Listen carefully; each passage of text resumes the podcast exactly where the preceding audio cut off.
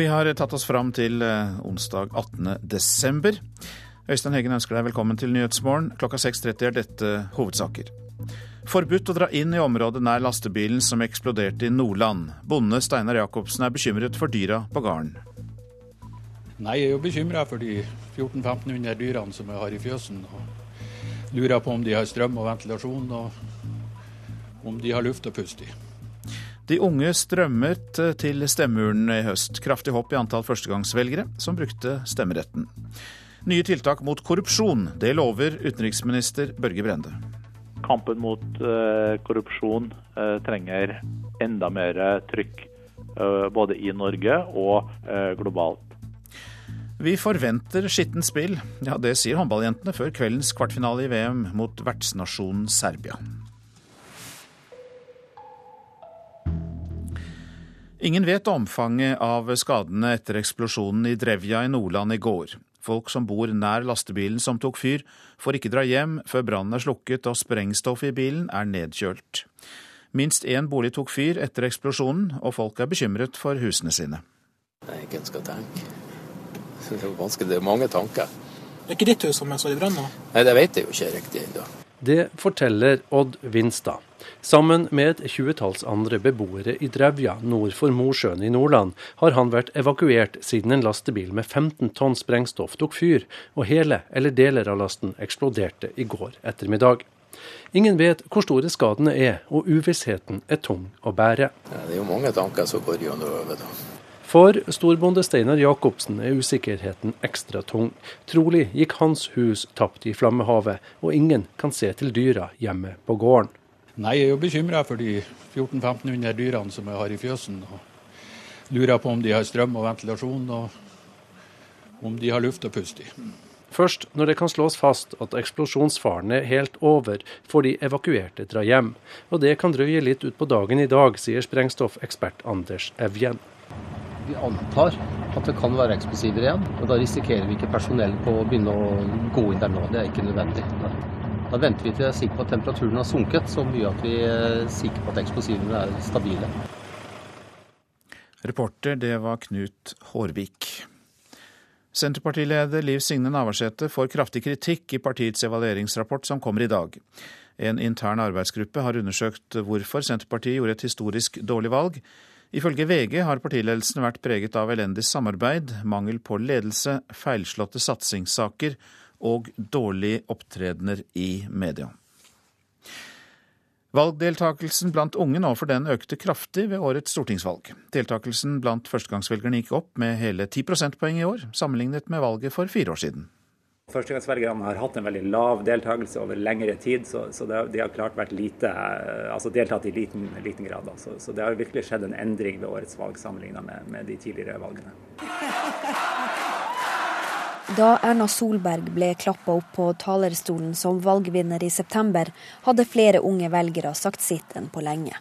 En analyse gjort av Johannes Berg ved Institutt for samfunnsforskning viser at 66,5% av velgerne mellom 18 og 21 år stemte ved årets valg. Så høy har ikke deltakelsen vært siden 1989. Ved årets valg så har virkelig ungdom tatt et langt skritt i retning av den situasjonen vi hadde på 1980-tallet. Berg sier at bakteppet for den økte valgdeltakelsen er at massakren på Utøya satt fokus på politisk engasjement hos ungdom. Utslaget for to år siden ved, ved lokalvalget, da, da, så vi altså en økning i deltakelsen blant de unge. Det knytta vi klart til 22.07. Altså, det her budskapet om å delta som en reaksjon på 22.07, det nådde frem til unge velgere. Eh, og kanskje henger det ved fremdeles uh, i dag, altså at en økning i deltakelse fremdeles uh, ja, preger unge velgere i dag. Jeg syns det er fantastisk flott. Sier AUF-leder Eskil Pedersen. Ut av 22. juli-tragedien så ser vi at det som har vært positivt etter 22.07, er at flere ungdom velger å bruke demokratiet, engasjere seg i politikk. mange flere har meldt seg inn i ungdomspartiene. Det har vedvart for vår del. Og nå ser vi også at mange har eh, valgt å bruke stemmeretten. Store medier som Aftenposten og NRK ga spesiell oppmerksomhet til unge velgere ved årets stortingsvalg. Det kan også ha hatt noe å si, sier Berg. Ja, det har jo vært en betydelig kampanje både fra NRK sin side, fra Aftenposten, andre medier, for å få unge velgere til å delta ved valget i, i 2013. Og, og, og, Det er jo grunn til å tro at det har hatt en viss, viss, effekt. Kanskje har det vært et samspill mellom det at vi har unge velgere som er mer interessert i politikk tidligere, og at de i tillegg har blitt oppfordra til, til, å delta. At det på en måte til sammen har gitt dette utslaget. Reportere her, det var Kristine Svendsen og Ellen Wiseth. Norge må gjøre mer for å bekjempe korrupsjon, også i eget hus. Det sier toppsjefen i Transparency International, Cobus de Schwart. Også utenriksministeren mener Norge må skjerpe seg. Korrupsjon er faktisk å stjele penger fra de som da eh, egentlig eh, skal nyte godt av de ressursene. Kampen mot eh, korrupsjon eh, trenger enda mer trykk eh, både i Norge og eh, globalt. Vi har jo de senere årene også sett dette har blitt avdekt i vårt land. Og Børge Brende har fått en nyttig påminnelse fra Transparencys direktør, Kobus de Svart, som nå gjester landet med to rapporter i kofferten. Den ene viser at Norge som stat havner bak våre nordiske naboland. Den andre at norske bedrifter scorer dårligere på antikorrupsjonsarbeid enn utenlandske konkurrenter. There is still a perception in Norway that the country doesn't really have big anti-corruption challenges facing it. That I think is a challenge because it has. Det er fortsatt en oppfatning i Norge at dere ikke har store korrupsjonsproblemer. Det er en utfordring, for det har dere. Og Norge må bekjempe korrupsjon hardere, sier direktøren. Det gjelder særlig kommunal korrupsjon, mener han. Based on our own research, uh, and the National Integrity Study in particular, shows that the weaknesses at local government level uh, severely handicaps uh, Norwegian life and is, is indeed something that can be addressed and should be addressed with a lot more vigor. Også internasjonalt ønsker Transparency at Norge gjør mer. Uh, that means that uh, the responsibility of Norway to make sure that Norwegian foreign aid indeed det betyr at norsk bistand må leve opp til de høye forventningene folket har til den, sier de svart. Og det akter statsråd Brende å følge opp, også på nye måter. Dette er jo penger som da burde gått til eh, formålet, og som da forsvinner eh, i lomma på noen i stedet. Eh, også internasjonale organisasjoner, inkludert FN, må da betale tilbake penger til norske myndigheter hvis man står overfor korrupsjon. Der må vi jobbe frem et system sammen med eh, Storbritannia og noen andre land, for da faktisk kunne få til dette. Reporter, det var Sindre Heirdal. Politiet er i gang med etterforskning etter at en 50 år gammel mann ble funnet død i en leilighet på Mysen i, i går kveld, i Østfold altså. Funnet i leiligheten gjør at politiet ikke utelukker at mannen er drept, og har sendt ham til obduksjon for å finne ut hva han døde av. Barack Obama møtte i går sjefene for bl.a. Apple, Google, Facebook og Twitter for å diskutere etterretningstjenestens overvåkning og regjeringens helsereform. Og eh, teknotoppene de var interessert i å snakke om overvåkning, mens Obama var mest opptatt av hvordan de kunne hjelpe ham med å sette i verk helsereformen. I forrige uke sendte åtte av USAs viktigste teknologiselskaper et åpent brev til president Obama og Kongressen, der de ber om at det blir satt klare grenser for overvåking av deres kunder. Google, Microsoft, Apple, Facebook, Yahoo, Twitter, AOL og Lincoln de er alle under press for å gi fra seg kundedata til etterretningsorganisasjonen NSA. Noen har samarbeidet ganske mye, og det gikk relativt greit helt til kundene fikk vite det og begynte å reagere. Nå kreves selskapene rett til å fortelle sine brukere nøyaktig hvilke opplysninger de blir tvunget til å gi fra seg. For det er nemlig en egen domstol for etterretningssaker som fatter vedtak som selv giganter som Google må følge. Begge parter var usedvanlig ordknappe etter gårsdagens møte. I en uttalelse fra teknologiselskapene heter det bare at de ba presidenten innstendig om raske overvåkingsreformer. Presidentadministrasjonen benyttet dagen til å slippe en langt mer konkret nyhet. Sjefen for Microsofts programvareavdeling Del Bene skifter jobb på mandag og skal lede arbeidet med å få websiden for den store helseforsikringsreformen til å fungere. Stadige sammenbrudd på nettsiden, som er så avgjørende for Obamas viktigste flaggsak, har skadet velgernes tillit til ham mer enn noe annet. Og når det gjelder NSA, så skal presidenten tenke seg om til over nyttår, før han forteller folket hvordan han vil legge bånd på en etterretningsorganisasjon som folk fra alle politiske fløyer mener har løpt løpsk. Gro Holm, Washington. Nå til eh, det avisene skriver om i dag. Jeg har tapt mange år av livet mitt, sier 39 år gamle Pia Lund til Adresseavisen. Voksne med ADHD faller utenfor yrkeslivet. Kun en femdel klarer å håndtere en vanlig jobb. For et år siden så fikk Pia Lund diagnose og behandling for ADHD, og i dag er hun i full jobb. USA gir norsk hysjtjeneste toppkarakter, skriver Dagbladet. Et hemmeligstemplet dokument viser at den norske etterretningstjenesten og USAs National Security Agency, NSA, har et tett og godt forhold. Norge blir sett på som en av de mest pålitelige partnerne, sier en tidligere NSA-leder. Nå varsler Thomas Drake. Ingen kjøpefest for nordmenn i 2014, skriver Bergens Tidende. Fallet i boligprisene vil prege forbruket neste år, og Statistisk sentralbyrå tror norsk økonomi vil være i lavgir helt til 2016. Uvanlig arbeidstid er blitt vanlig, er en overskrift i Dagens Næringsliv i dag. Det er lett å få unntak fra arbeidsmiljøloven. Jernbaneverket er blant eh, dem som har klart å lage lokale arbeidstidsavtaler. Men det koster, sier forhandlingssjef Bjørn Røtnes. Rekordstor vekst i unges eh, valgdeltakelse, som vi også hørte her i Nyhetsmorgen. Det skriver eh, Aftenposten også om i dag. Miljøvernere roser Fremskrittspartiets avgiftshopp på diesel, skriver Nasjonen. Leder i miljøorganisasjonen Zero, Marius Holm, sier at dyrere anleggsdiesel framskynder utfasing av fossil energi. Går fra gamle løfter om å kutte konsulentbruken, skriver Klassekampen om helseminister Bent Høie. Nå ser Høyre-statsråden ikke lenger behov for kutt, skriver avisa, etter at eh, statssekretæren har svart at det er eh, sykehusene og de regionale helseforetakene som har ansvaret. Jeg er hverdagsfeminist, sier Solveig Horne til eh, Dagsavisen. Fremskrittspartistatsråden skal grilles for sine omstridte uttalelser i Stortinget i dag. Likestilling er mer enn fire ukers pappaperm og kontantstøtte, sier likestillingsministeren, som mener at sosialistene lenge har fått definere hva likestilling er.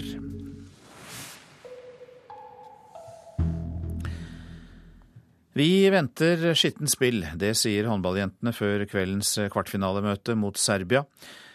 Vertsnasjonen har alt å spille for hjemme i Beograd, og da kommer alle triks i boka til å bli tatt i bruk. Jeg syns, eh, syns de er sterke. Til tider veldig bra forsvar òg.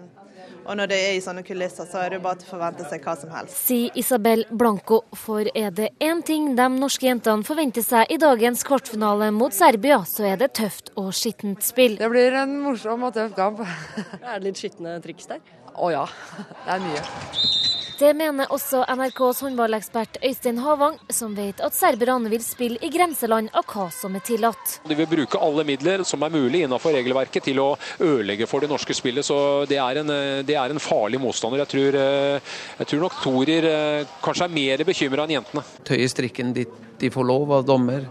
Um, taktiske slue. Uh, men samtidig har noen svakheter som vi har allerede kikka litt på. Sier Torir Hegersson, som kjenner godt til styrkene til vertsnasjonen. Og det er spesielt én spiller Heidi Løke frykter i kveld. Sivic fra Budoknos, strekspilleren, hun eh, er eh, står og griser litt i forsvar. Jeg tror det blir en litt fysisk kamp, så det gjelder å være litt smarte og, og holde, holde, roen og holde kaldt i huet. Ja, det sa til slutt Katrine Lunde, reporter Kristine Norvik Skeide. Og denne kvartfinalen den hører du direkte i P1 i kveld etter Dagsnytt klokka 20. Dette er Nyhetsmorgen, og klokka har passert 6.44, og dette er hovedsaker. Ingen vet omfanget av skadene etter eksplosjonen i Drevja i Nordland i går. Evakuerte naboer frykter for sine hus, for de får ikke dra hjem ennå. De unge strømmet til stemmeurnene, kraftig hopp i antall førstegangsvelgere som brukte stemmeretten i høst. Senterpartileder Liv Signe Navarsete får kraftig kritikk i partiets evalueringsrapport. Ifølge VG har partiledelsen vært preget av elendig samarbeid, mangel på ledelse, feilslåtte satsingssaker og dårlige opptredener i media.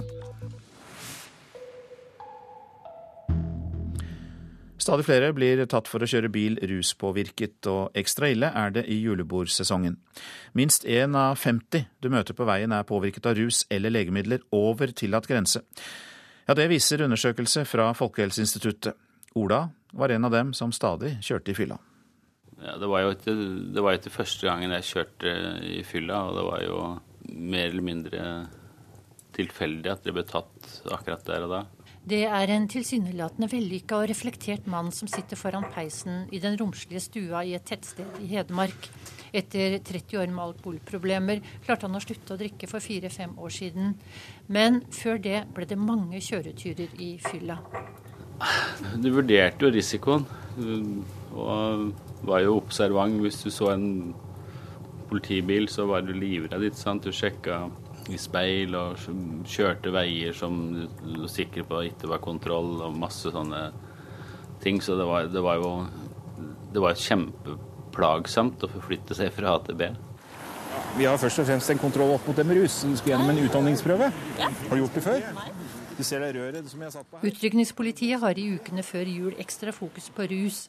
Distriktssjef i UP Tor Magne Kalland har foreløpig ikke tallene klare, men ser en fortsatt økning i tallet på pågrepne russjåfører. I 2012 så ble det pågrepet 892 førere eh, i eh, på landsbasis. Eh, tallene for i år er faktisk allerede oppe i 880 i november, til og med november. Så at vi kommer til å pågripe flere i år, det gjør vi. Men altså, det er ikke en så stor økning som vi så da fra 2011 til 2012. I fjor ble nær 8800 personer anmeldt for promillekjøring her i landet. Svært mange er gjengangere. I Hedmark og Oppland ble 521 personer anmeldt. I år blir det atskillig flere, ifølge tall fra politidistriktene. Men det er bare toppen av isfjellet. Ifølge Folkehelseinstituttet kjører 2% av bilførerne med ulovlig høyt innhold av alkohol, narkotika eller legemidler i blodet. I én av fire dødsulykker er rus med i bildet. Ola tenkte ikke så mye på hva han utsatte seg selv og andre for. Nei I, Det er klart, i, i, visse øyeblikk gjorde jeg nok det. Mens i andre situasjoner så, så tenkte jeg ikke på det. Det, det. det, ble jo en vane, kan du si. Det ble en del av, det ble en del av hverdagen. At du lå liksom da i, i grenseland. Eh, men er det noe å gjøre med ruskjøringa? Nei, det tror jeg ikke. For, for en alkoholiker så, så han slutter ikke å drikke om blir stoppa i kontroll og mister sertifikatet. Og mange fortsetter nok å kjøre ut, uten sertifikat og fortsetter å fyllekjøre hvis du er det er alkoholen som styrer livet ditt. Det, det, vil ikke hjelpe. Men det er klart forebyggende arbeid og informasjon, og det vil jo nok ha en effekt. Hvor stor, det veit jeg ikke, men etter en effekt vil det ha. Og holdnings, ja, holdningsendringer, kampanjer. Og eh, Ola han ble dømt til å delta i kriminalomsorgens program mot ruspåvirket kjøring. Reporter var eh, Vera Wold. Hundrevis av arbeidere som driver vedlikehold ute på norske rigger og plattformer, har gått sakte i over en måned for å få bedre lønn. Nå begynner klubbkassene å bli slunkne, og oljeselskapene begynner å merke at lite blir gjort, men arbeiderne gir seg ikke viljen til å fortsette er jo kjempestor. Klar tale fra leder for Safe-klubben i selskapet Bilfinger, Lillian Brattholmen. Vi er samme antall, men vi jobber 45% og går sakte. Vi er, der, er jo på jobb i tolv timer, sånn som, eh, sånn som, vi skal være. Men eh, all, alt går eh, mye saktere enn hva det pleier å gjøre. Og det har de gjort i over en måned. Totalt 1400 ansatte i Bilfinger, Kefer Energy og Berenberg, som driver med vedlikehold offshore og på landanlegg, jobber 45% for å få et lønnstillegg de mener mener bedriftene har råd til. Vi mener at bedriftene har at det er grunnlag i bedriften for at de kan gi oss noen kroner mer enn hva garantert fortjeneste. Og hun får støtte av leder for fagforeningen Safe i Norge, Hilde Marit Ryst. Bransjen går jo godt, og det finnes penger. Det, det ser man på, på mange forskjellige måter. Og nå også. Det er absolutt forutsigbarhet med de gode og langvarige kontraktene som er innvilga. Og det må selvfølgelig komme de ansatte også til gode. Men en måned med under halv innsats begynner nå å kjennes hos arbeidsgiver. Det forteller administrerende direktør i Kefer Energy, Bård Bjørshol. Det er klart at de planlagte arbeidsoperasjonene blir eh, ikke fullført sånn som eh, planlagt. Hvilket gjør at eh, kunden ikke får utført de arbeidsoppgavene som han hadde sett for seg. Selv om det merkes, er ikke situasjonen kritisk, sier både ledelsen i Bilfinger og Berenberg. For Statoil og de andre oljeselskapene som har hyra inn de tre, er det derimot kjedelige forsinkelser som nå oppstår. Det er noen eh, prosjekter som er, som er litt spesielle, som òg har da milepæler som nærmer seg, som, som kan bli påvirka av dette. Sier kommunikasjonsrådgiver Ørjan Heradstveit i Statoil. Eh, altså, Jo lenger denne aksjonen varer, jo mer vil den påvirke oss. Jeg tenker som bedriftsleder å sitte med halve arbeidsstokken ute i halvveis jobbing. Jeg hadde ikke fått en god julestemning av det, så jeg har forventninger til at eh, bedriftene sjøl tar litt ansvar nå. Altså. Arbeiderne som nå går sakte, blir ofte kalt Nordsjøens jordbærplukkere, og mener de har krav på mer enn det bedriften tilbyr. Men avstanden mellom hva bedriften vil gi og hva arbeiderne vil ha, er altfor stor, sier Bjørshol i Kefer. Nå er han redd konflikten varer lenge. Jeg ser ikke for meg at det stopper. Dette er et lovlig virkemiddel de bruker. Sjølsagt så vil jeg beklage sterkt at vi er i en situasjon som eh, du beskriver, og at vi går inn i julehelga med dette. Ikke minst for våre medarbeidere så er det en stor påkjenning, og det unner jeg dem ikke.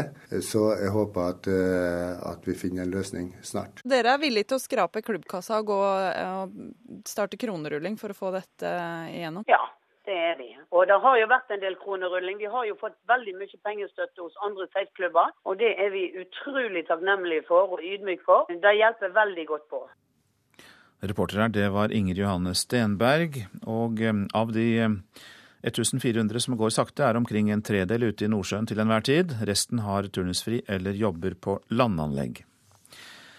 Ingen vet hvor det er blitt av mange av de kunstverkene som Oslo kommune eier, viser en rapport fra kommunerevisjonen. Nesten en tidel av de 18 000 kunstverkene er blitt borte opp gjennom årene. Kulturetaten varslet for fem år siden at de ville rydde opp, men flere av tiltakene er ikke gjennomført. I går kveld behandlet kontrollutvalget i Oslo kommune rapporten som kommunerevisjonen har lagt fram. Vi syns jo at den rapporten kommunerevisjonen har lagt fram eh, viser at eh, man ikke har god nok kontroll i kommunen på den eh, kunstmassen man besitter. Sier leder i kontrollutvalget Frode Jacobsen, som forklarer hvorfor det er viktig at kunsten må bli bedre ivaretatt. Oslo kommune har over 18 000 eh, kunstverk utplassert, og det er positivt, det. Fordi vi ønsker at folk som besøker kommunen, enten det er i, på sykehjem, besøker bydeler eller andre kommunale virksomheter, eh, så vet vi at det å ha kunst på veggene, det gir et positivt eh, inntrykk. Men da er det dumt at man ikke har god nok oversikt. Det, det kan jo risikere at ting er borte uten at man vet det. Kulturbyråd i Oslo Halstein Bjerke var ikke byråd da den forrige rapporten ble lagt frem i 2008. Men det er nå viktig for han å få en oversikt over kunsten. Det vi gjør nå, er å innføre en eh, ordning som både gjør at vi kan kjøpe inn kunst systematisk og skikkelig når vi bygger nye offentlige bygg og det skapes nye offentlige parker og uterom, og at vi kan eh, forvalte og styrke konserveringen av de 18 000 kunstverkene vi har, Eh, det får vi til med den nye kunstordningen som er etablert i år. Kulturetaten lovet at de skulle rydde opp i saken for fem år siden, men det finnes fortsatt ikke en fullstendig oversikt. Direktør i Kulturetaten i Oslo kommune, Hilde Barstad, er fornøyd med at de har fått til noe siden sist. Jeg er først og fremst glad for at rapporten sier at det er positive ting å se i oppfølginga. Men det er klart et hovedpoeng er jo både at det er veldig mange eh, kunstverk som vi må holde oversikten over men òg det at vi har hatt litt begrensa ressurser til å følge det opp. Bjerke og Barstad er enige om når de nå skal klare å få en oversikt over kunsten. Målet er at vi innen to år skal ha fullstendig oversikt over all kunst eh, Oslo kommune eier. I kommunerevisjonens lokale på Helsfyr vedtok kontrollutvalget i går kveld det som står i rapporten, og de forventer at det nå blir fulgt opp. Også her henger det kunst eid av Oslo kommune på veggene. Søren Sten Johnsen. Nei, Det er et, eh, et, kunstverk som kommunen eh, har fått i gave fra Enebakk kommune dette her da, til 900-årsjubileet 1950. Og denne kunsten er registrert? Den er registrert. Det vet du? Det har vi sjekka. Det sa til slutt leder i kontrollutvalget, Frode Jacobsen, og reporter var Kristine Amdam. Regjeringen vil at norsk vikinghistorie skal inn på Unescos verdiarvliste. Norge satser på å få fire nye steder plassert blant klodens mest verneverdige. Det gjelder skipsgravene i Vestfold, kvernsteinsbruddet i Sogn og Fjordane og industribyene Rjukan og Notodden, skriver Aftenposten. Gravene og Kvernsteinsbruddet går inn som en del av en serienominasjon fra flere land med vikinghistorie i Nord-Europa. Klassevenninner skrev dagbok sammen i 60 år, og nå blir denne unike kvinnehistorien tatt vare på. Statsarkivet har fått dagbokskatten fra venninnene som gikk ut av Statens lærerinneskole på Stabekk i 1942. En av dem finner vi på Hamar. Kom inn. Damen i andre enden er 96 år gamle Else Wold Dønnum. Ei av de 32 klassevenninnene som i 60 år skrev felles dagbok. Sju tettskrevne bøker om levd kvinneliv får nå sin plass i Statsarkivet. Jeg er veldig glad for det. For det var der en nettopp hører hjemme. Og seniorrådgiver ved Statsarkivet i Oslo, Jon Sandven, er minst like glad. Fordi det er et helt unikt uh, prosjekt. Jeg kjenner ikke til uh, noen andre sånn kollektive dagbøker. Og i hvert fall ingen som er skrevet over en så lang periode. Er du snill å tenne på lyset? Else disker opp med kaffe og smørbrød før hun tar plass i stolen og forteller om dagbokprosjektet som starta i 1943, etter tips fra en av lærerne ved Statens lærerinneskole for husstell. Det var stor stas hver gang boka dukket opp i posten. Det var det bare å pakke opp og sette seg ned. Det var jo, Hvis det var midt i middagen, så måtte en jo gjøre den ferdig. Ellers var det ingenting som hindret en i å sluke den. Her er det en morsom kokebok. I 60 år vandret boka rundt i alfabetisk rekkefølge. I én uke kunne du ha den før du sendte den videre. Det var noen som satt på den i flere måneder, og da ble det spørsmål. Da var det alltid noen som ringte og undersøkte. Hva skrev du ikke om? Vi skrev om arbeidet vårt, og om familie. Og det hendte vel lett vi kunne være bortom politikk òg. Det her er på en måte norgeshistorie i miniatyr. Det følger disse kvinnene over en periode hvor det norske samfunnet har gjennomgått veldig store endringer. Både sånn teknologi, utdanningsmessig, eh, kvinners deltakelse i arbeidslivet. Vi følger det fra, fra krigen til gjenoppbygginga til det velferdssamfunnet som man har i dag. Hele dagboksamlinga ble oppbevart i en kasse de kalte for Kjøttgryta. Den har fulgt med på flere flyttelass etter at skolen ble nedlagt. Det fins jo arkiver fra kvinneorganisasjoner f.eks., men det gir ikke det personlige perspektivet på samme måten og over en så lang tid. Så er, eh, sånn sett så er dette her helt unikt. Fem av klassevenninnene lever fortsatt. Og Else har sammen med Geia Børte fra Telemark vært opptatt av at historien skal tas vare på. Og det var veldig sterke meninger blant de forskjellige om vi skulle ta vare på boka. Heldigvis var det flest som ville det. Ja, det sa Else Wold Dønnum fra Hamar, reporter Torunn Myhre. Så til værvarselet fram til midnatt. Fjellet i Sør-Norge først. Kuling utsatte steder, stort sett opphold. Fra i formiddag litt snø i Langfjella. Østafjells vest for Lindesnes liten kuling og oppholdsvær. Fra i formiddag blir det litt regn i indre høyereliggende område, litt sludd eller snø, og nedbør kommer først sør østafjells. Vestlandet sør for Stad. Sørlig sterk kuling, liten storm nord for Karmøy. Full storm eh, nord for Florø. Litt regn eh, vesentlig i Rogaland. Så var det Møre og Romsdal og Trøndelag. Det blir sørøst opp i stiv eh, kuling, stort sett oppholdsvær. Nordland sørøst liten kuling utsatte steder. Fra i ettermiddag stiv kuling. Noen regnbyger. Snø i indre strøk av Nordland. Fra i ettermiddag blir det oppholdsvær. Troms sørvest liten kuling utsatte steder. I ettermiddag dreiende sørlig. Noen regnbyger på kysten. Snø i indre strøk. Finnmark sørvest vind. I kyststrøkene periodevis stiv kuling. I kveld minkende. I ytre strøk noen regn- eller sluddbyger. Ellers opphold. Og Spitsbergen får stort sett oppholdsvær. Temperaturer målt klokka fire. Svalbard lufthavn minus to. Kirkenes minus 13. Vardø null. Alta minus sju. Tromsø-Langnes pluss fire.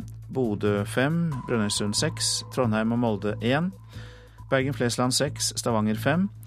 Kristiansand-Kjevik har minusgrader, dvs. Si én minusgrad. Gardermoen minus to. Lillehammer minus sju. Røros minus ti.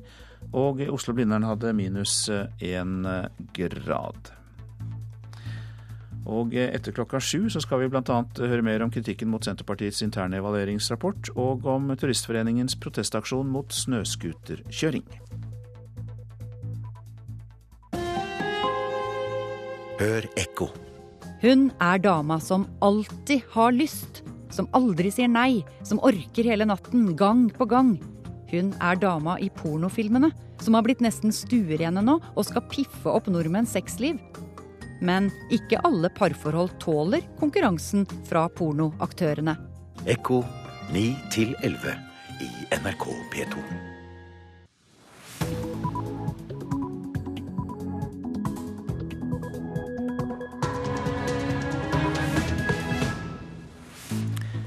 Og i din radio fortsetter Nyhetsmorgen. Liv Signe Navarsete får kraftig kritikk i Senterpartiets egen evalueringsrapport. Uansvarlig frislipp av snøscootere, mener Turistforeningen, som leverer 42 000 protester til miljøvernministeren. Statoil er med på gigantrørledning for gass fra Aserbajdsjan, men ekspertene venter med å juble.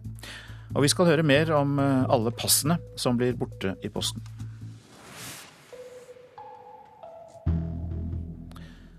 Senterpartileder Liv Signe Navarsete får kraftig kritikk i partiets evalueringsrapport som kommer i dag.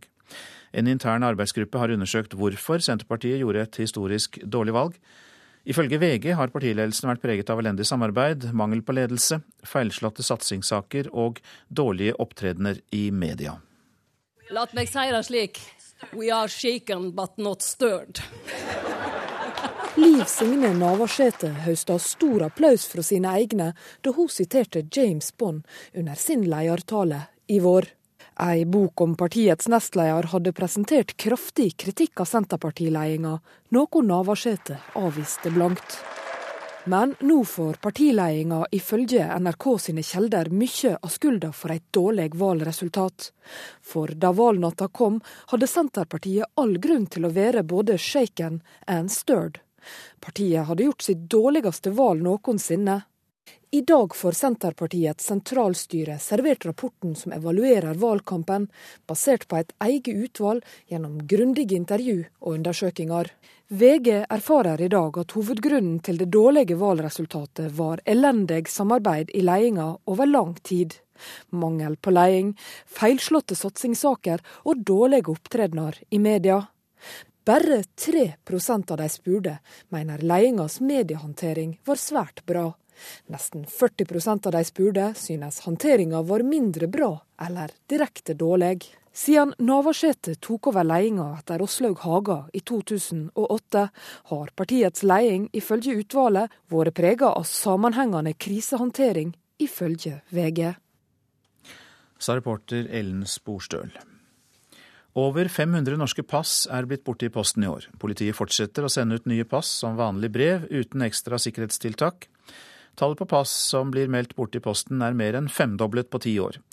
Det er et problem, sier seksjonssjef Steinar Talgø i Politidirektoratet. Ethvert pass som kommer bort i posten er eh, meget uheldig. I går fortalte NRK at stadig flere norske pass forsvinner. Bare på fem dager fra torsdag i forrige uke og til i går ettermiddag ble 287 pass meldt tapt eller stjålet, viser tall fra Politidirektoratet. Dermed er til sammen 30 361 pass blitt borte hittil i år. Av disse er 546 meldt tapt i Posten. Det er alvorlig, sier pressesjef i Posten Norge, Hilde Ebeltoft Skaugrud. Med økende kriminalitet og økende grad av identitetstyveri, så er det alvorlig. Pass på avveie kan lett bli solgt eller misbrukt av kriminelle, advarer seksjonsleder Per Haddal ved Nasjonalt ID-senter. Vi vet at dette er snakk om forholdsvis store pengebeløp. Så det er et stort problem. Og det er, det er en attraktiv handelsvare, rett og slett. Det at uh, Norge er et Schengen-land og at du da får tilgang på et uh, Schengen-pass, hva kan det ha slags betydning? Uh, tilgang på et Schengen-pass eller tilgang på en Schengen-identitet, vil jo åpne dører for uh, alle de uh, rettigheter du har som, som Schengen-EØS-borger. Uh, både med tanke på fri bevegelse, velferdsrettigheter og en rekke andre, andre fordeler. Pass sendes som A-post, meg bekjent, ikke som rekommandert. Og vår anbefaling er jo da å sende den type sendinger som rekommandert eller verdifull post. Hva er det som er fordelen med et brev som sendes rekommandert? Når du sender et brev rekommandert, så kan du spore det. Du må vise legitimasjon for å få det utlevert. Og du eh, får også en erstatning dersom eh, sendinga skulle bli borte. Men man kan jo ikke helt gardere seg mot at et brev blir stjålet f.eks., selv om det sendes rekommandert? Nei, det kan du ikke. Men eh, ved da at avsender bruker riktig tjeneste, så er du i hvert fall tryggere. Men det koster 130 kroner per pass å sende det rekommandert. Med rundt 600 000 pass i året blir det nær 80 millioner kroner til sammen, sier Steinar Talgø i Politidirektoratet. Og så er spørsmålet vil den utgiften stå i forhold til disse passene som da er meldt tapt. Reporter her, det var Kjartan Røslett. 42 000 underskrifter mot snøscootere blir levert til miljøvernministeren i dag fra Den norske turistforening. Underskriverne de mener, de mener, at det er et uansvarlig frislipp når over 100 flere kommuner kan åpne snøscooterløyper neste år. Den er ikke akkurat subtil, kampanjen til Turistforeninga. Anorakkledde nordmenn på ski blir forstyrra av en snøscooter som gir bånn gass. 42 000 har skrevet under på kampanjen Ja til stille natur. Det skjer i forbindelse med at regjeringa har bestemt at alle de 106 kommunene som søkte om å få åpne scooterløype, får lov til det. Opprinnelig skulle ordninga begrenses til 40 kommuner. Turistforeninga mener det er en snikinnføring av snøscootere i Norge. Det finner vi oss ikke i, og naturens ro og stillhet blir viktigere og viktigere i et hektisk mm. samfunn. Sa styreleder Berit Kjøll i Turistforeninga da hun møtte Høyres Frank Bakke-Jensen til debatt om saken nylig. Turistforeninga mener det er feil å bruke forsøksloven i forbindelse med de nye scooterløypene, og at en ordentlig lovprosess skulle vært gjort før de 106 kommunene fikk grønt lys. Vi løfter altså lokaldemokratiet opp sånn og bruker det aktivt. Og så skal vi i gang med en lovprosess der vi skal gjøre grundig evaluering av forsøksordninga, vi skal gjøre grundige høringer, og så vil det komme frem til et lovvedtak i Stortinget en eller annen gang i fremtiden. Om noen timer får miljøvernminister Tine Sundtoft underskriftene. Da skal hun bli oppfordra til å endre motorferdselsloven før hun åpner for flere skuterløyper. Sa reporter Kristine Svendsen. God morgen til deg, Hanna Melhus. God morgen. Du er leder i Den norske turistforeningens ungdomsorganisasjon, DNT Ung. Mm. Og eh, vi har vel ganske stor plass her i landet. Er det ikke plass også til de som liker å kjøre snøscooter? Eh, det er veldig vanskelig å forene fornøyelseskjøring med snøscooter og vanlig friluftsliv. For friluftsliv handler nettopp om å komme seg bort fra støy og motor og bråk og trafikk.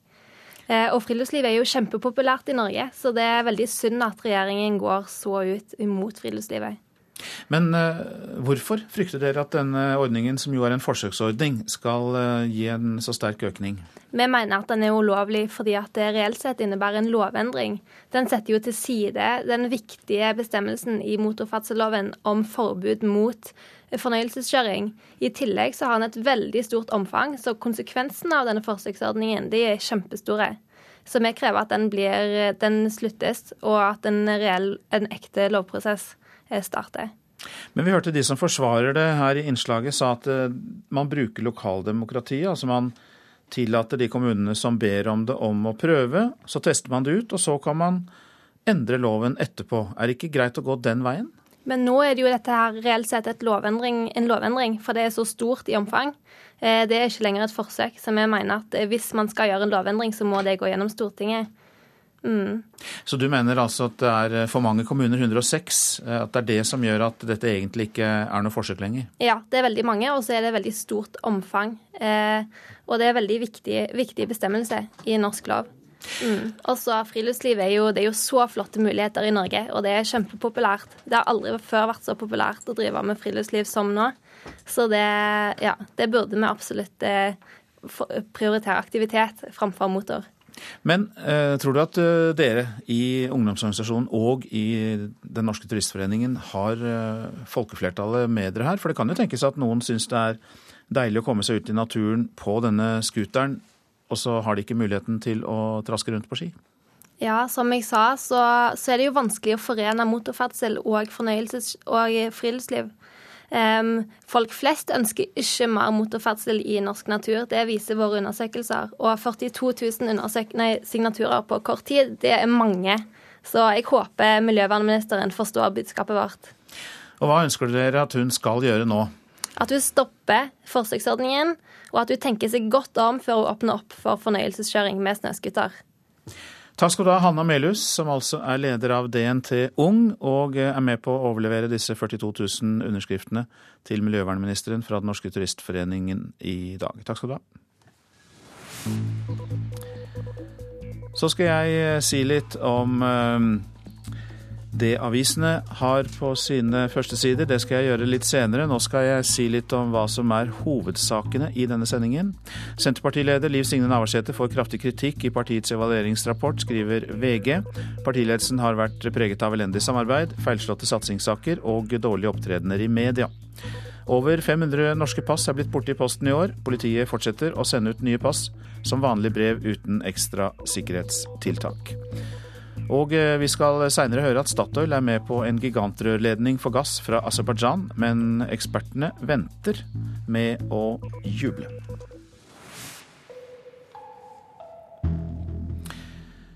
God morgen til deg, Liv Tørres. Takk. Du er generalsekretær i Norsk eh, Folkehjelp, og eh, du er kommet hit fordi i Sør-Sudan så har minst 20 000 mennesker søkt tilflukt hos FN pga. kamper i landet. Mm. Og det er et ukjent antall mennesker som er drept. Det kan være 400-500, men det er ikke bekreftet. Og dette er Afrikas yngste stat som fikk selvstendighet eh, nylig. Så hva er da bakgrunnen for de indre stridighetene i denne staten nå? Bakgrunnen kan vi si er tredelt. Det ene er at dette er et land som har vært utsatt for utfordringer i, helt fra starten av. Usikker økonomi, eh, en oljeøkonomi som i utgangspunktet er helt avhengig av nabolandet Sudan, og hvor man jevnlig nå har fått kuttet eh, olje gjennomgangen gjennom Sudan, sånn at eh, inntektene har vært kuttet da i Sør-Sudan. Så de sliter med store økonomiske utfordringer. Så er det etniske konflikter i utgangspunktet. Dette er et land som er et godt stykke på vei bygd på etnisk identitet og en veldig fin balanse mellom ulike grupper. I tillegg har vi nå i lengre tid hatt politiske eh, maktkamper mellom ulike grupper i SPLM, som er det regjeringsbærende partiet. Ja, eh, presidenten sier at det har vært et kuppforsøk eh, fra den tidligere visepresidenten. Kan du si noe mer om konflikten mellom disse to? Ja, altså det, det sies Noen sier at det har vært et kuppforsøk. Andre sier at det er etniske konflikter i de militære styrkene som da har rent over, og som nå som førte til kamper i Juba, hovedstaden, men som også har spredd seg til andre deler av landet. I utgangspunktet så har vi en situasjon hvor visepresidenten her, som kommer da fra en annen etnisk gruppe enn presidenten, har blitt avsatt. Eh, det er ti ledende politikere som er arrestert, eh, i hvert fall. Og fem til som er etterlyst. Presidenten har tatt kontroll for så vidt over partiet som sådan, og selvfølgelig sitter med, med kontrollen i landet. Men, men, noen mener da at det er disse konfliktene mellom presidenten og visepresidenten som har spilt over i en militær konflikt. Altså Da de fikk selvstendigheten for drøyt to år siden, så visste man jo at eh, den økonomiske situasjonen kunne bli vanskelig for mm. Sør-Sudan. Men man håpet kanskje at man skulle unngå denne type voldelige konflikter. Hva tror du om framtida for dette, denne nye afrikanske staten? Vi er bekymret. Det er en sårbar situasjon. Vi er veldig opptatt av at det internasjonale samfunnet og den norske regjeringen nå må sende ut sterke appeller til presidenten først og fremst, men også andre ledere i Sør-Sudan om å holde holde seg rolig, eh, ikke gå til militære eh, aksjoner nå, og være ekstremt forsiktig når det gjelder konflikter som kan spille over i etniske konflikter. Men fredelige løsninger og appeller om unity-enhet nå er veldig, veldig viktig fra det internasjonale samfunn. Takk for at du orienterte oss om situasjonen i Sør-Sudan, generalsekretær i Norsk Folkehjelp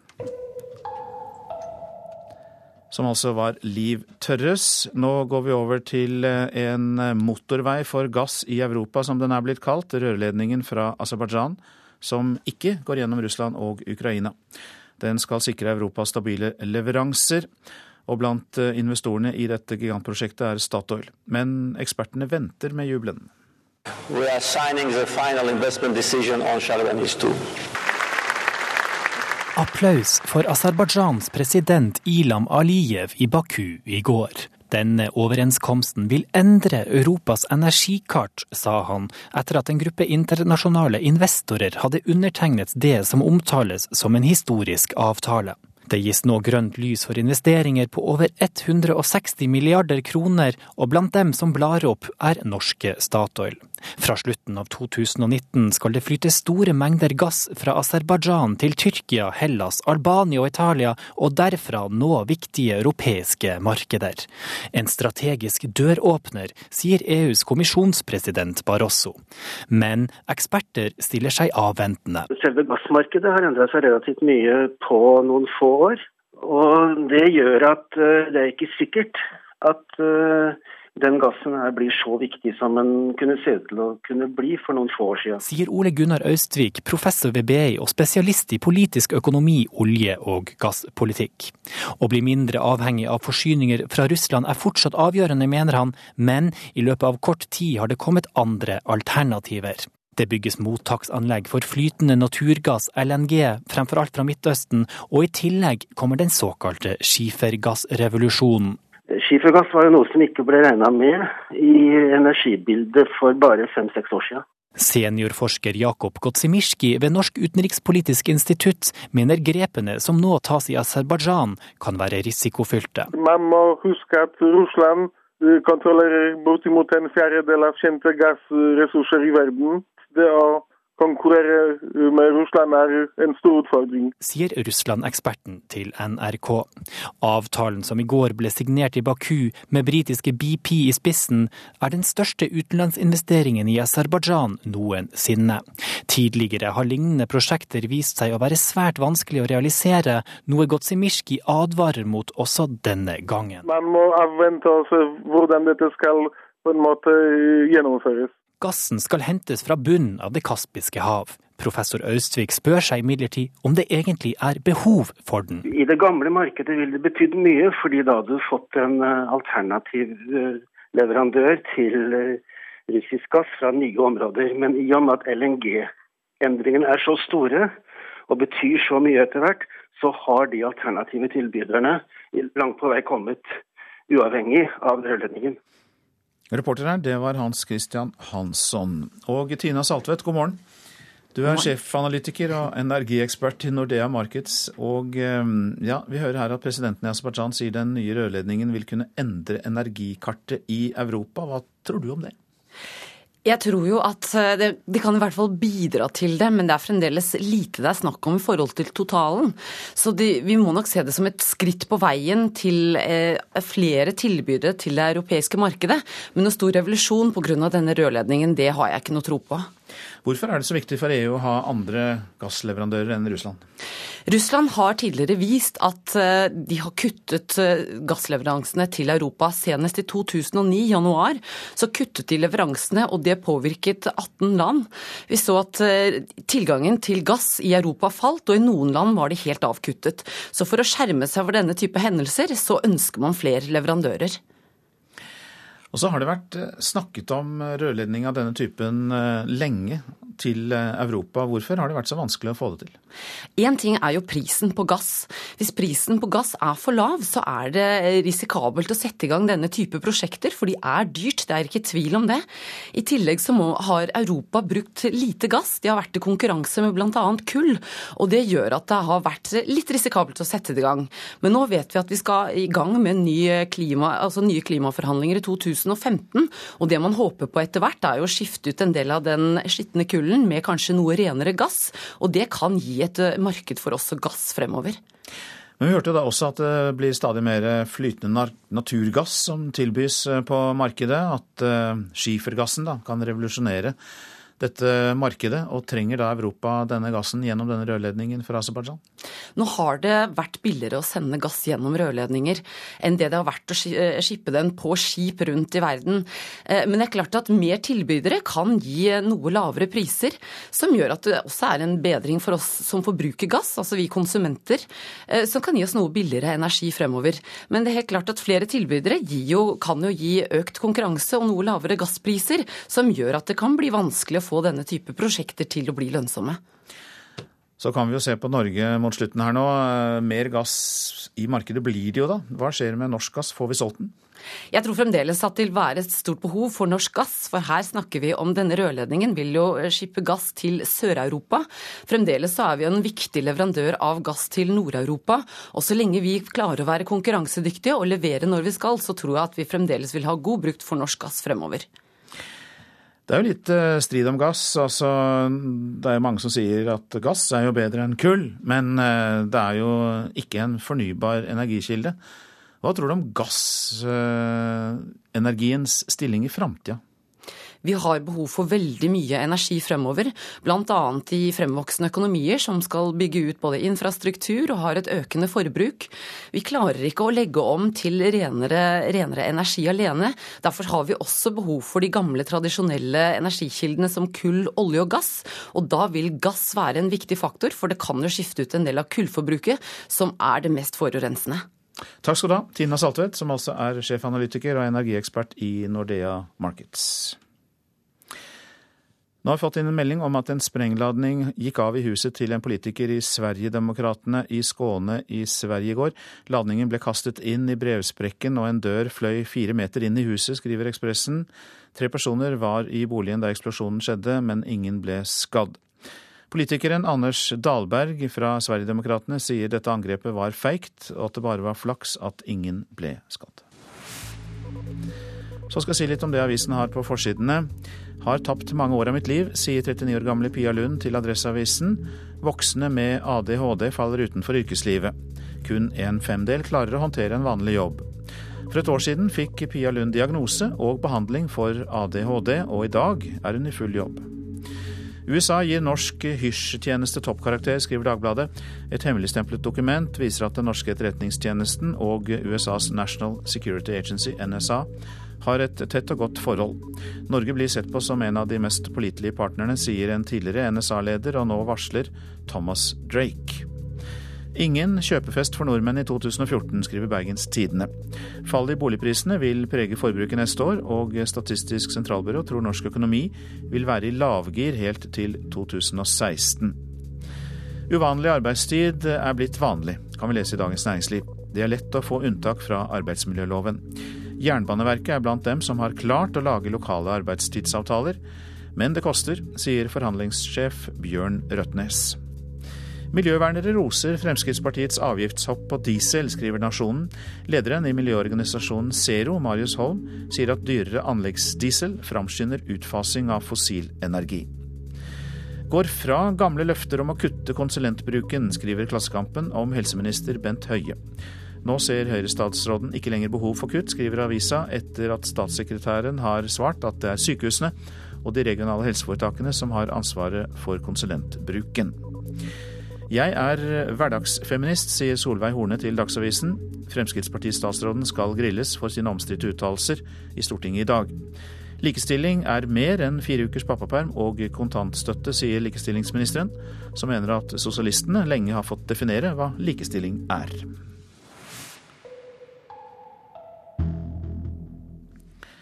Mange fattige skammer seg over å be om hjelp til jul, og venter i det lengste før de tar kontakt. Det merker spesielt Frelsesarmeen, som har fått mange søknader om hjelp de siste dagene. Hvis du har søkt om hjelp til jul, så får du nummer 22. Og så må du spise litt grøt i mellomtiden. da. Så skal jeg rope på deg. Køen er lang hos Frelsesarmeen i Moss når enslige skal få utdelt mat og penger til jul. Men mange venter i siste liten til å be om hjelp fordi de syns det er flaut. En av dem er Stig Abel, som for første gang står i kø for å få mat på bordet. Det er spesielt, forteller han. Litt skummelt. Litt sånn eh, flaut på en måte, men allikevel så tenker jeg på det at det, det behøver ikke være flaut. Pga. at uh, alle andre som kommer hit, de er i samme båt som meg. De er kanskje alene, de òg. De sliter litt med penger, de òg. Og det gjør jeg òg. Pågangen av folk som trenger en utstrakt hånd, har aldri vært større hos Frelsesarmeen. Og bare den siste uka har det rent inn med søknader, bekrefter Rune Isegran hos Frelsesarmeen i Moss, som tror det å be om hjelp er forbundet med mye skam. Jeg tror nok mange syns det er en terskel å gå over, det å spørre om hjelp. Eh, og det å komme hit. Eh, og at eh, mange ikke gjør det før de føler at de virkelig må. Samtidig så er det jo at noen lever i en sånn livssituasjon hvor man lever litt fra dag til dag. Hvor det med litt langsiktig planlegging ikke er en del av hverdagen. Mm. Tror du det er mye skam forbundet med det å være fattig? Det tror jeg. Jeg tror nok eh, det er en del som ikke kommer i det hele tatt. Som eh, kunne hatt godt av denne hjelpen. Mm. Jeg har blitt kølapp i dag. Og så serverer vi grøt og pepperkaker og sånt der inne. Stig Abel syns det er trist at mange har det som han. Det er litt synd, men allikevel så er det fint at Frelsesarmeen kan gjøre det de gjør nå. Og hjelpe folk som ikke har så mye penger liksom, til å kjøpe juleribbe og, og sånt noe. At de kan hjelpe de menneskene til å få en litt mer OK jul enn det de egentlig ville hatt hvis de ikke hadde fått hjelp. Selv er han glad for at han våget å ta det første skrittet. Nå betyr det mye. Nå kan jeg gå hjem og kose meg og liksom spise normal mat og Ja, jeg kan gå nå i butikken på Rema 1000 og handle mat for 600 kroner, som ikke jeg har gjort på nå fire år. Jeg, jeg, jeg bare Nei, det, er, det varmer hjertet mitt. Reporter her, det var Anette Torjussen. Sitter du på informasjon NRK og andre bør ha? Send oss tips og bilde som MMS til 03030 eller e-post til 03030 krøllalfa nrk.no. Nyhetstips 03030. Du lytter til Nyhetsmorgen. Egypts framtid med militærregime er tema for reportasjen etter Dagsnytt. Vi må ikke forveksle det med demokrati, sier intellektuelle til NRK. Senterpartiets selvkritiske internrapport kommer i dag, og lærere i yrkesfag må ut i arbeidslivet for å oppdatere seg. Det er temaer i Politisk kvarter. Prosent for Nyhetsmorgen, det er Eli Bjelland. Her i studio, Øystein Heggen.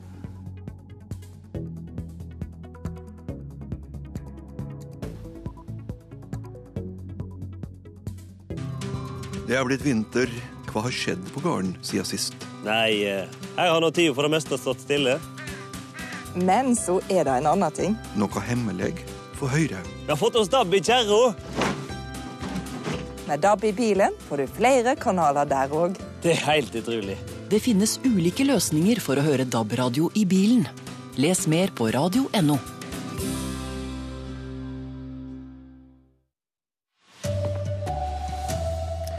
Senterpartileder Liv Signe Navarsete får kraftig kritikk av sine egne i en rapport som kommer i dag. Evakuerte i Nordland får ikke dra hjem ennå, vet ikke om skadeomfanget etter eksplosjonen i går er stort. Og mange pass forsvinner i posten, men politiet vil likevel fortsette å sende dem som vanlige brev. Her er NRK Dagsnytt klokka 7.30.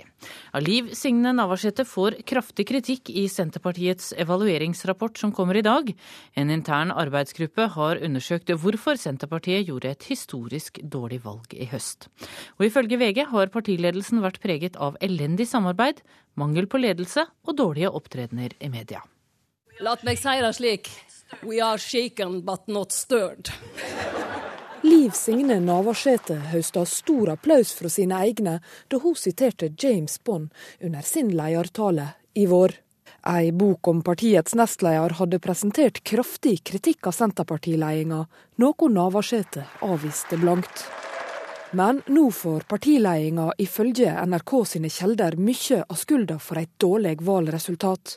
For da valgnatta kom, hadde Senterpartiet all grunn til å være både shaken and stirred. Partiet hadde gjort sitt dårligste valg noensinne. I dag får Senterpartiets sentralstyre servert rapporten som evaluerer valgkampen. VG erfarer i dag at hovedgrunnen til det dårlige valgresultatet var elendig samarbeid i ledelsen over lang tid. Mangel på leding, feilslåtte satsingssaker og dårlige opptredener i media. Bare 3% av de spurte mener ledelsens mediehåndtering var svært bra. Nesten 40% av de spurte synes håndteringa var mindre bra eller direkte dårlig. Siden Navarsete tok over ledelsen etter Åslaug Haga i 2008, har partiets ledelse ifølge utvalget vært preget av sammenhengende krisehåndtering, ifølge VG. Det sa reporter Ellen Sporstøl. Ja, denne rapporten legges altså frem senere i dag. Politisk kommentator Magnus Takvam, hva er den sterkeste kritikken som kommer så langt du kjenner rapporten? Det mest oppsiktsvekkende er selvfølgelig at denne rapporten helt eksplisitt peker på en stor grad av eh, tillitskrise helt på toppen i Senterpartiet, mellom de tre på toppen. Og det er svært uvanlig kost at man eh, til de grader bretter ut de interne konfliktene på toppen av eh, et parti på den måten. I tillegg så er jo det faktum at deler av råstoffet, intervjuene som denne eh, evalueringsgruppen har gjort, er direkte lekket ut på forhånd eh, i detalj, eh, som da også har gått på nettopp dette betente forholdet som, som, eh, jeg peker på. Og det er klart at det i seg selv har forsterket eh, på mange måter den mistilliten som er mellom miljøer eh, i partiet. Så det er i, store problemer nå. Og dette evalueringsutvalget, sier det noe om noen vei ut av krisen? Man har jo noen organisatoriske forslag osv., men nå blir det opp til den ledelsen som sitter der, sentralstyret og partiet, å finne veien uh, ut av den krevende situasjonen partiet er i, og så prøve å gjøre da landsmøtet i 2015 uh, til et landsmøte som kan konsolidere partiet. Men jeg tror man ikke har en klar eh, exit-strategi ut fra den vanskelige situasjonen man er i. Og det blir spennende å se hvordan sentralstyret og partiet selv reagerer på den, eh, den kritikken som kommer i evalueringsrapporten i dag. Takk skal du ha, Magnus Takvam. Brannen på Drevja i Nordland er nå slukket. Det begynte å brenne etter at en lastebil med 15 tonn sprengstoff eksploderte i går, og minst ett hus tok fyr. Mellom 30 og 40 mennesker er fortsatt evakuert, og politiet har lagt ned forbud mot å gå inn i området før klokken 11 i formiddag. Naboene i området er bekymret for husene sine. Nei, hvem skal tenke? Det er, vanskelig, det er mange tanker. Det er ikke ditt hus som er så i brann nå? Nei, det vet jeg jo ikke riktig ennå. Det forteller Odd Vinstad. Sammen med et tjuetalls andre beboere i Drevja nord for Mosjøen i Nordland har han vært evakuert siden en lastebil med 15 tonn sprengstoff tok fyr, og hele eller deler av lasten eksploderte i går ettermiddag. Ingen vet hvor store skadene er, og uvissheten er tung å bære. Det er jo mange tanker som går gjennom hodet. For storbonde Steinar Jacobsen er usikkerheten ekstra tung. Trolig gikk hans hus tapt i flammehavet, og ingen kan se til dyra hjemme på gården. Nei, jeg er jo bekymra for de 1400-1500 dyrene som jeg har i fjøsen. og Lurer på om de har strøm og ventilasjon, og om de har luft å puste i. Først når det kan slås fast at eksplosjonsfaren er helt over, får de evakuerte dra hjem. Og det kan drøye litt utpå dagen i dag, sier sprengstoffekspert Anders Evjen.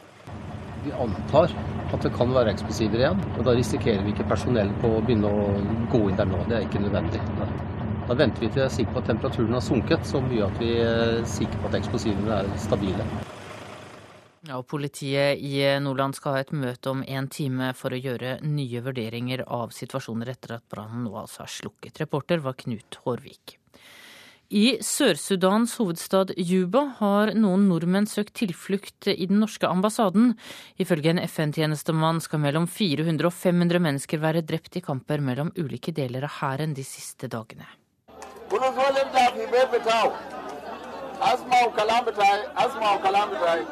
Det er ikke lenger kamper, og dere kan bare dra hjem igjen, roper informasjonsministeren ut til folk som søker tilflukt i Juba. Men hvordan kan du si det når vi ikke engang har vann, kommer det som svar fra folkemengden.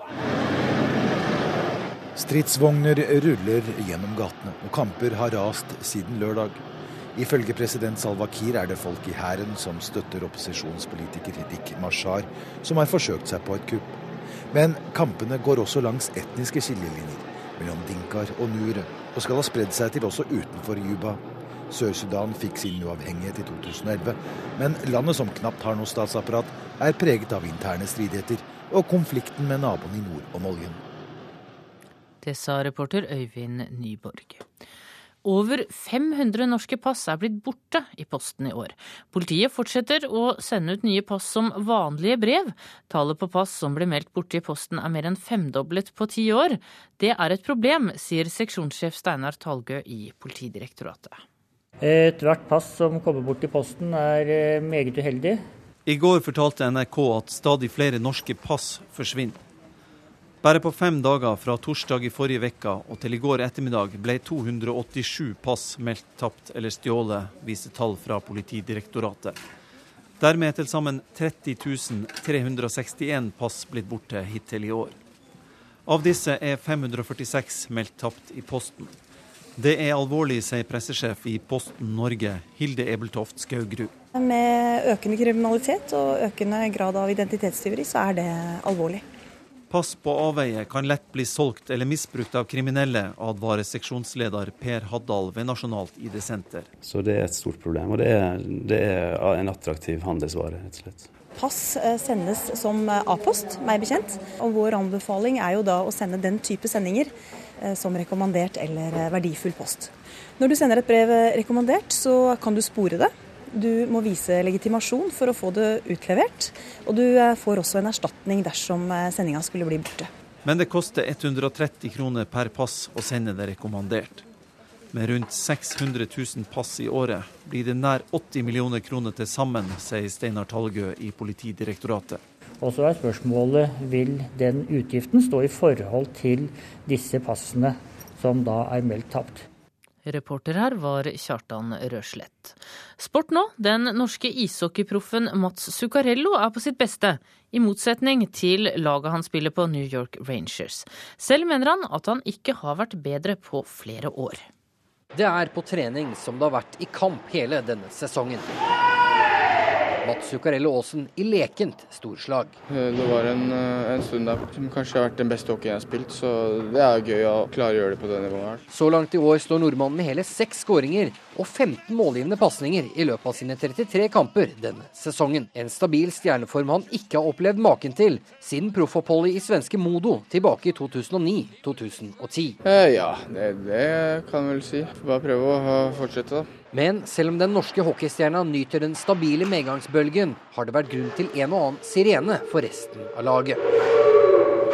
New York Rangers har vært både i himmel og helvete når det kommer til prestasjonene, hvilket preger Sukka. Det er litt vanskelig, syns jeg. Jeg hadde vært litt mer fornøyd hvis, eh, hvis laget hadde, hadde tatt et par seire til. Ja, Det sa Mats Zuccarello Aasen. Reporter her var Thomas Lerdal. Ansvarlig for Dagsnytt-sendingene denne morgenen er Bjørn Christian Jacobsen. Det tekniske ansvaret har Frode Thorshaug. Her i studio Tone Nordahl.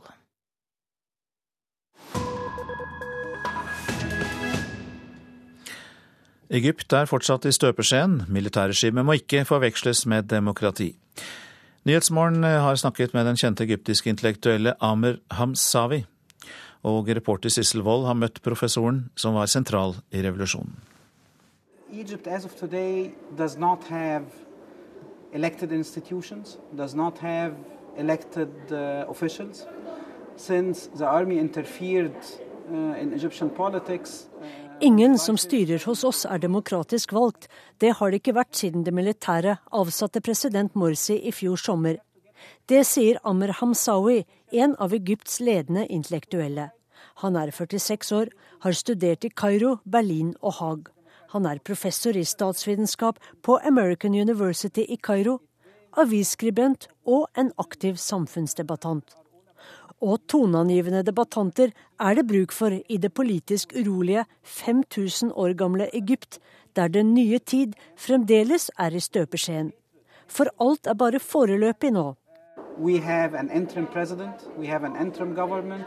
Bare ett maktsentrum dominerer. De styrende er utpekt av det militære. Men dette må ikke forveksles med demokrati, påpeker Hamsawi.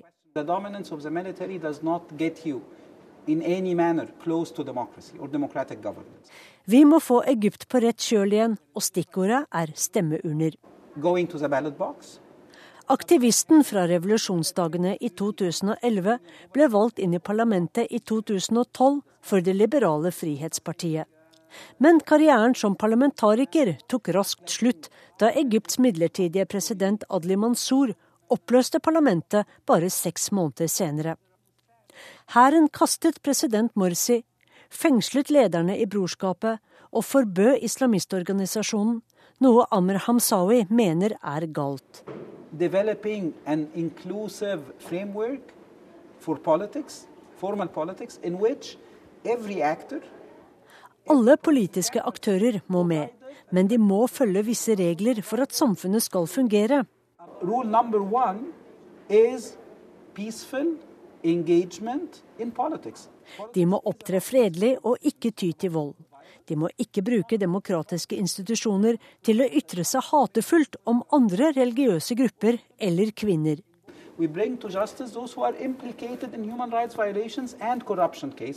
Rettssystemet må fungere for alle. Og ingen skal kunne si at nå har folket talt, vi har vunnet valget, så nå trenger vi ikke flere valg. På spørsmål om islamistenes politiske filosofi er forenlig med sekularisme, et moderne samfunn og kvinnesyn, svarer han at blant islamistene finner vi mange retninger og grupper. Det finnes ikke ett enkelt svar på det spørsmålet. I was a liberal infidel. I was a liberal blasphemous politician. Uh. Oh Til i sommer, under president Morsi, var jeg en liberal vantro.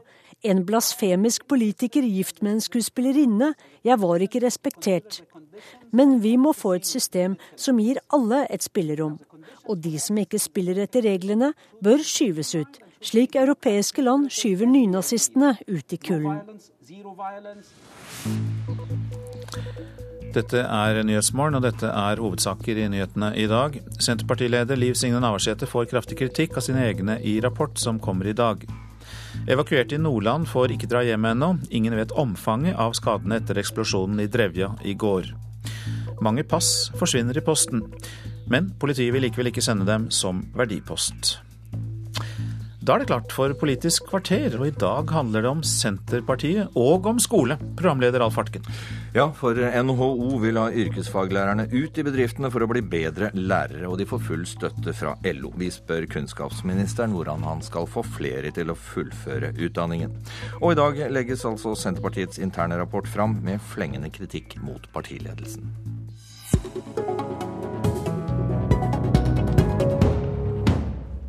Lærere ut i bedriftene, bedre karriererådgivning og mye tettere kontakt mellom skole og arbeidsliv. Det er noen av utfordringene partene i arbeidslivet serverer til kunnskapsminister Torbjørn Røe Isaksen. Regjeringen har lovet å styrke yrkesfagene, og i går lanserte Torbjørn Røe Isaksen lærlingeløftet. Utvidede støtteordninger, ny nettportal som skal få flere bedrifter til å ta inn lærlinger. Det er et godt sted å begynne, ifølge kunnskapsministeren. Det første vi kan gjøre, det er å sørge for at uh, flere får lærlingeplass. Nå er det 6000 elever i året som ikke får lærlingeplass. Vi vet at mange av de faller fra, rett og slett fordi en del må tilbake på skolebenken. Uh, og Det er et ganske tøft kjør der. Så Det er det ene vi kan gjøre noe med. Da må vi gjøre det sammen med partene også i arbeidslivet, for det klarer ikke politikken å løfte alene. Og så er det Punkt to det er å sørge for at man har yrkesfagløp hvor man enda tidligere og enda mer enn i dag får arbeidslivet inn i skolen. Så, så jeg har sagt, sagt, at alt som gjør at arbeidslivet kommer tydeligere og mer inn i skolen tidligere, det er jeg for. Særlig på yrkesfagløpet. Uh, NHO-leder Kristin Skogen Lund uh, hun mener lærerne må ut i yrkeslivet og veksle mellom skole og jobbing i uh, bedriftene. Definitivt. For det vi ser er at disse lærerne, Når elevene skal veksle og sette teori og praksis sammen, da må jo lærerne være ute også for å være i stand til å, å bidra med den modellen. Da må jo de også være hva skal jeg si, gjenstand for vekslingsmodellen. Må lærerne ut i den, det andre arbeidslivet, ut i yrkeslivet, Isaksen? Svaret på det er ja. Hvis ikke lærerne har oppdatert kunnskap om hvordan det er ute i arbeidslivet, så blir det vanskelig å gjøre den teorien og undervisninga relevant nok. Den undervisninga man får på skolen må jo i størst mulig grad være kobla på og ligne på arbeidslivet sånn som det er der ute. Hva gjør dere konkret da for å få dette til? Det er nå starta litt i det små med en ordning hvor lærerne skal ut og hospitere en periode i arbeidslivet. Eh, vi har styrka den med noen millioner neste år. Det kommer vi til å fortsette med, eh, for det fungerer bra.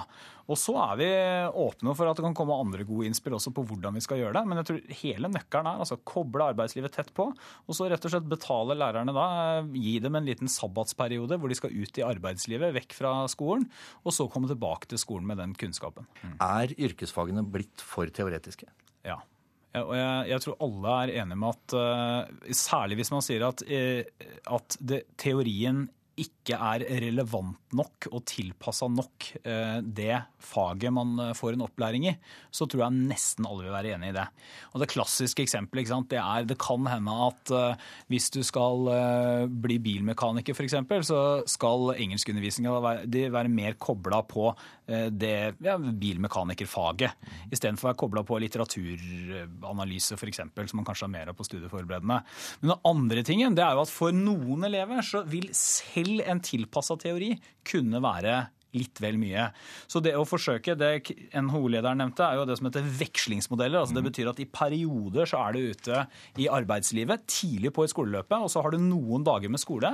Og det har vist seg veldig vellykka der man har forsøkt det. og det er, Den type ting er veldig sterk tilhenger av. Samtidig, jo mer yrkesretta du gjør den teoretiske delen av utdanningen, jo vanskeligere gjør du det da for elever som eventuelt ønsker å skifte over til annen uh, utdanning.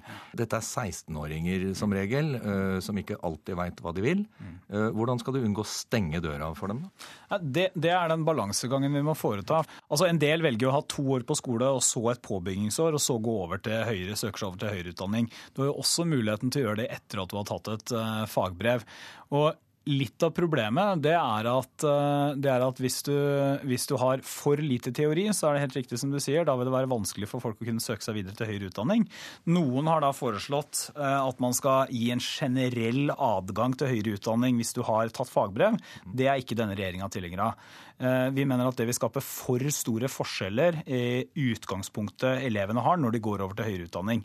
Men nøkkelen er jo å klare å få folk gjennom påbyggingsåret, og så må også 16-åringer tenke gjennom hva de ønsker å gjøre. På eh, pressekonferansen din i går om eh, lærlingløftet, så var også LO-leder Gerd Kristiansen. Hun gir full støtte til at lærerne må ut i yrkeslivet, men har noen flere utfordringer. Det første det er å klare å forhindre frafall i videregående skole. Eh, det andre er å øke statusen på yrkesfagene. Eh, det tredje er det må være læreplasser til alle. Det må vi finne ut av. Eh, og det fjerde det er det å sørge for at voksne som ikke har videregående skole, også kan eh, få et fagbrev i hånden. Til det første, eh, den største utfordringen som står først på LO-lederens liste, Isaksen. Hvordan få ned frafallet? Mm. Det er det, det, det, Dette starter jo, tror jeg, mye før videregående skole. Eh, vi fikk akkurat disse PISA-tallene, altså en stor internasjonal undersøkelse. og Den viste at nesten én av fire elever på, i åttende klasse i Norge ligger på kritisk nivå i matematikk. Så det, at, eh, det å løfte de grunnleggende, helt grunnleggende kunnskapene og ferdighetene i skolen, det er det første stedet å starte. Og så tror jeg det andre stedet, det andre stedet vi må gjøre mer, det er å mer individuell tilpasning. Og da mener jeg ikke bare det som politikere har snakka om i mange år, om at undervisninga må være mer individuelt tilpassa. Men la oss se på det. For noen, noen vil starte på yrkesfag og ha som mål at man skal bli ingeniør eller, eh, eller noe, altså ta høyere utdanning etterpå. Noen vil starte på yrkesfag og ha som mål å få et fagbrev. Vi trenger fagarbeidere i Norge. Vi kommer til å ha manko på gode fagarbeidere i 2030, så det må vi snakke opp. Og så, så er det noen som, som, kanskje er så teoritrøtte, men også har så dårlige forutsetninger i utgangspunktet at det vil være vanskelig å komme gjennom selv et mer tilpassa teoriløp. Da syns jeg vi skal se på hvordan kan vi da få lage et løp som gjør at de kan få en dokumentasjon på det de har, altså komme seg ut i arbeidslivet. At vi ikke sender dem til Nav-kontoret, men får de inn i arbeidslivet tidlig. Kanskje kombinert med noe skolegang. Det er jo også en, en type kultur, altså en større sånn kulturdiskusjon.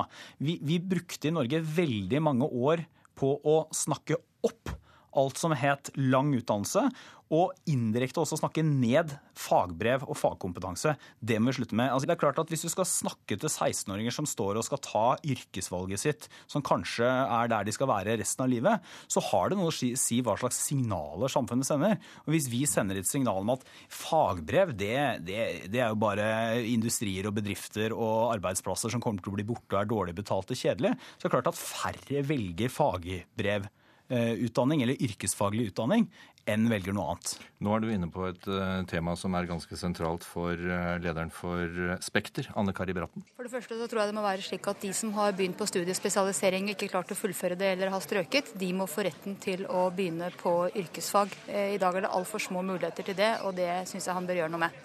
Det andre er at det er en tendens til eh, akademisering i samfunnet. Eh, det er eh, ikke slik at alle trenger å bli mastere. Og for å få gjort noe med det, så tror jeg det er helt avgjørende viktig at rådgivningstjenesten både i ungdomsskolen og i videregående skole styrkes. I dag er det stort sett lærere som driver med rådgivning, det er vel og bra, men vi bør ha mer arbeidslivsorientering inn i den rådgivningen. Vi ber ungdommen velge utdanning i en periode i livet hvor de er forholdsvis gjørska med hensyn til hva de skal bli.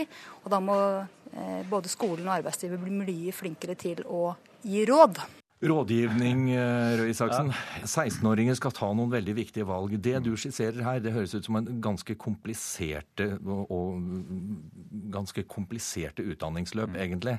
Eh, danskene f.eks. har jo rådgivningskontorer eh, land og strand rundt om karriereveiledning. Må man ha noe sånt da, for å hjelpe 16-åringen til å finne veien i dette her? Jeg tror, jeg tror løsninga er rådgivningstjenesten i skolen. Men, men, jeg er helt enig i at det, det, det å være rådgiver i skolen kan ikke bare være noe man gjør Eh, nærmest på de timene man er ekstra. Altså Det forutsetter også at man setter seg inn i Forutsetter tett kontakt med arbeidsmarkedet, god kjennskap til utdanningssystemet, god kjennskap til lokalområdet sitt. Hva slags arbeidskraft er det som trengs?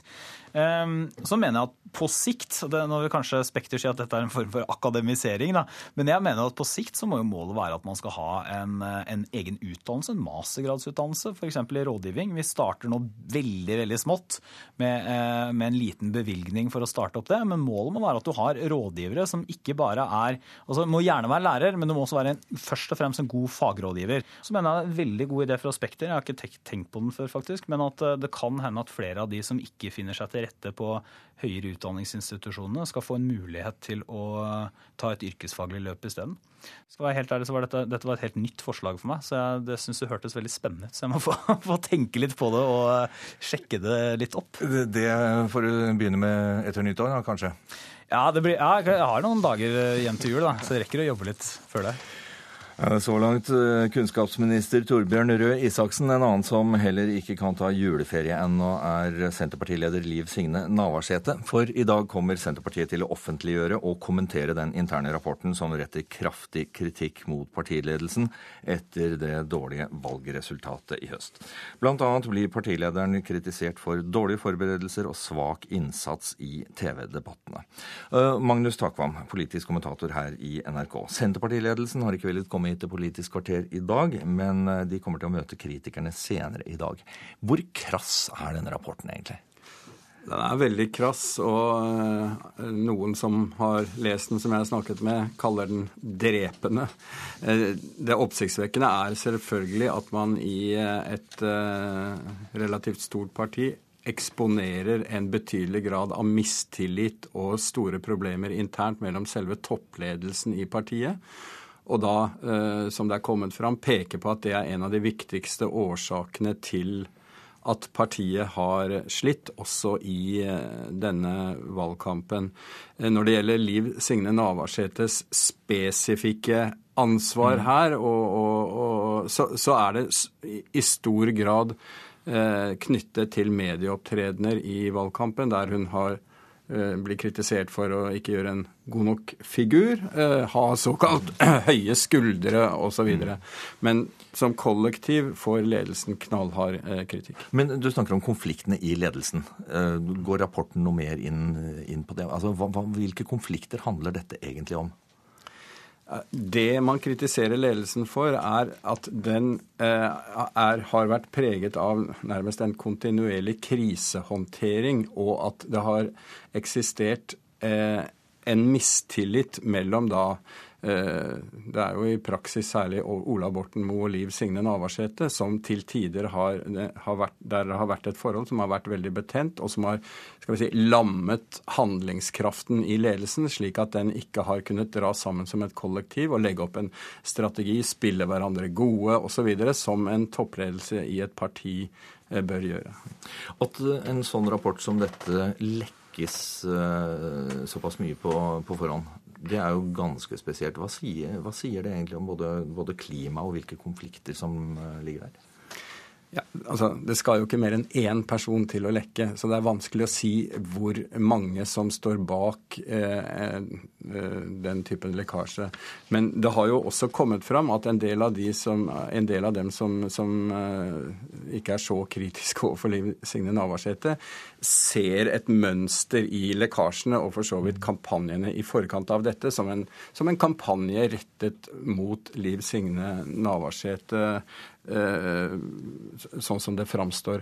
Og det er klart at også, eh, tror jeg, eh, Navarsete og kretsen rundt henne i stor grad politiserer denne konflikten som vi snakker om, nemlig på den måten at de ser Eh, kritikken mot henne i et politisk lys, nemlig at det er miljøer i Senterpartiet som er misfornøyd med det politiske strategivalg eh, dagens altså, hun har tatt, mm. med et så tett samarbeid med SV osv. Og, så videre, og i den rød-grønne kretsen, og heller vil dra partiet over mot i, med borgerlig retning. Og I det så ligger det altså at det er en, en, i en viss grad hvert fall det rød-grønne samarbeidet som, får, som, ligger under, som får skylda for partiets problemer? da? Altså, I denne rapporten spesifikt så, så sies det at i store deler av Senterpartiet så er det misnøye med et for tett samarbeid med SV helt spesifikt. Altså at det er samarbeidet med SV, som jo er historisk for Senterpartiet i denne rød-grønne alliansen, blir pekt ut som på en måte det problematiske.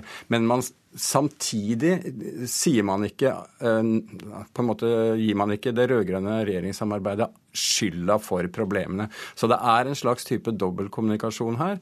Og noe av problemet er at ingen føler jeg, da, åpent står fram og fronter en annen politisk kurs enn den som er partiets offisielle kurs. Så det er en sånn underliggende mistanke om at den egentlige, den, det egentlige motivet bak kritikken er å skal vi si, føre partiet inn i eh, en annen retning. Og den murringen ligger der hele, hele tiden. Må det da bli med en annen leder?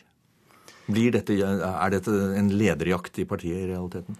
Eh, altså, lederen har uh, fått mye kritikk og er omstridt. Jeg tror ingen er klar til å over... Altså, det, er, det er ikke aktuelt å skifte ut partileder i øyeblikket. Det vil være en prosess eh, fram mot uh, landsmøtet i 2015, da veldig mange regner med at det kommer en ny partileder.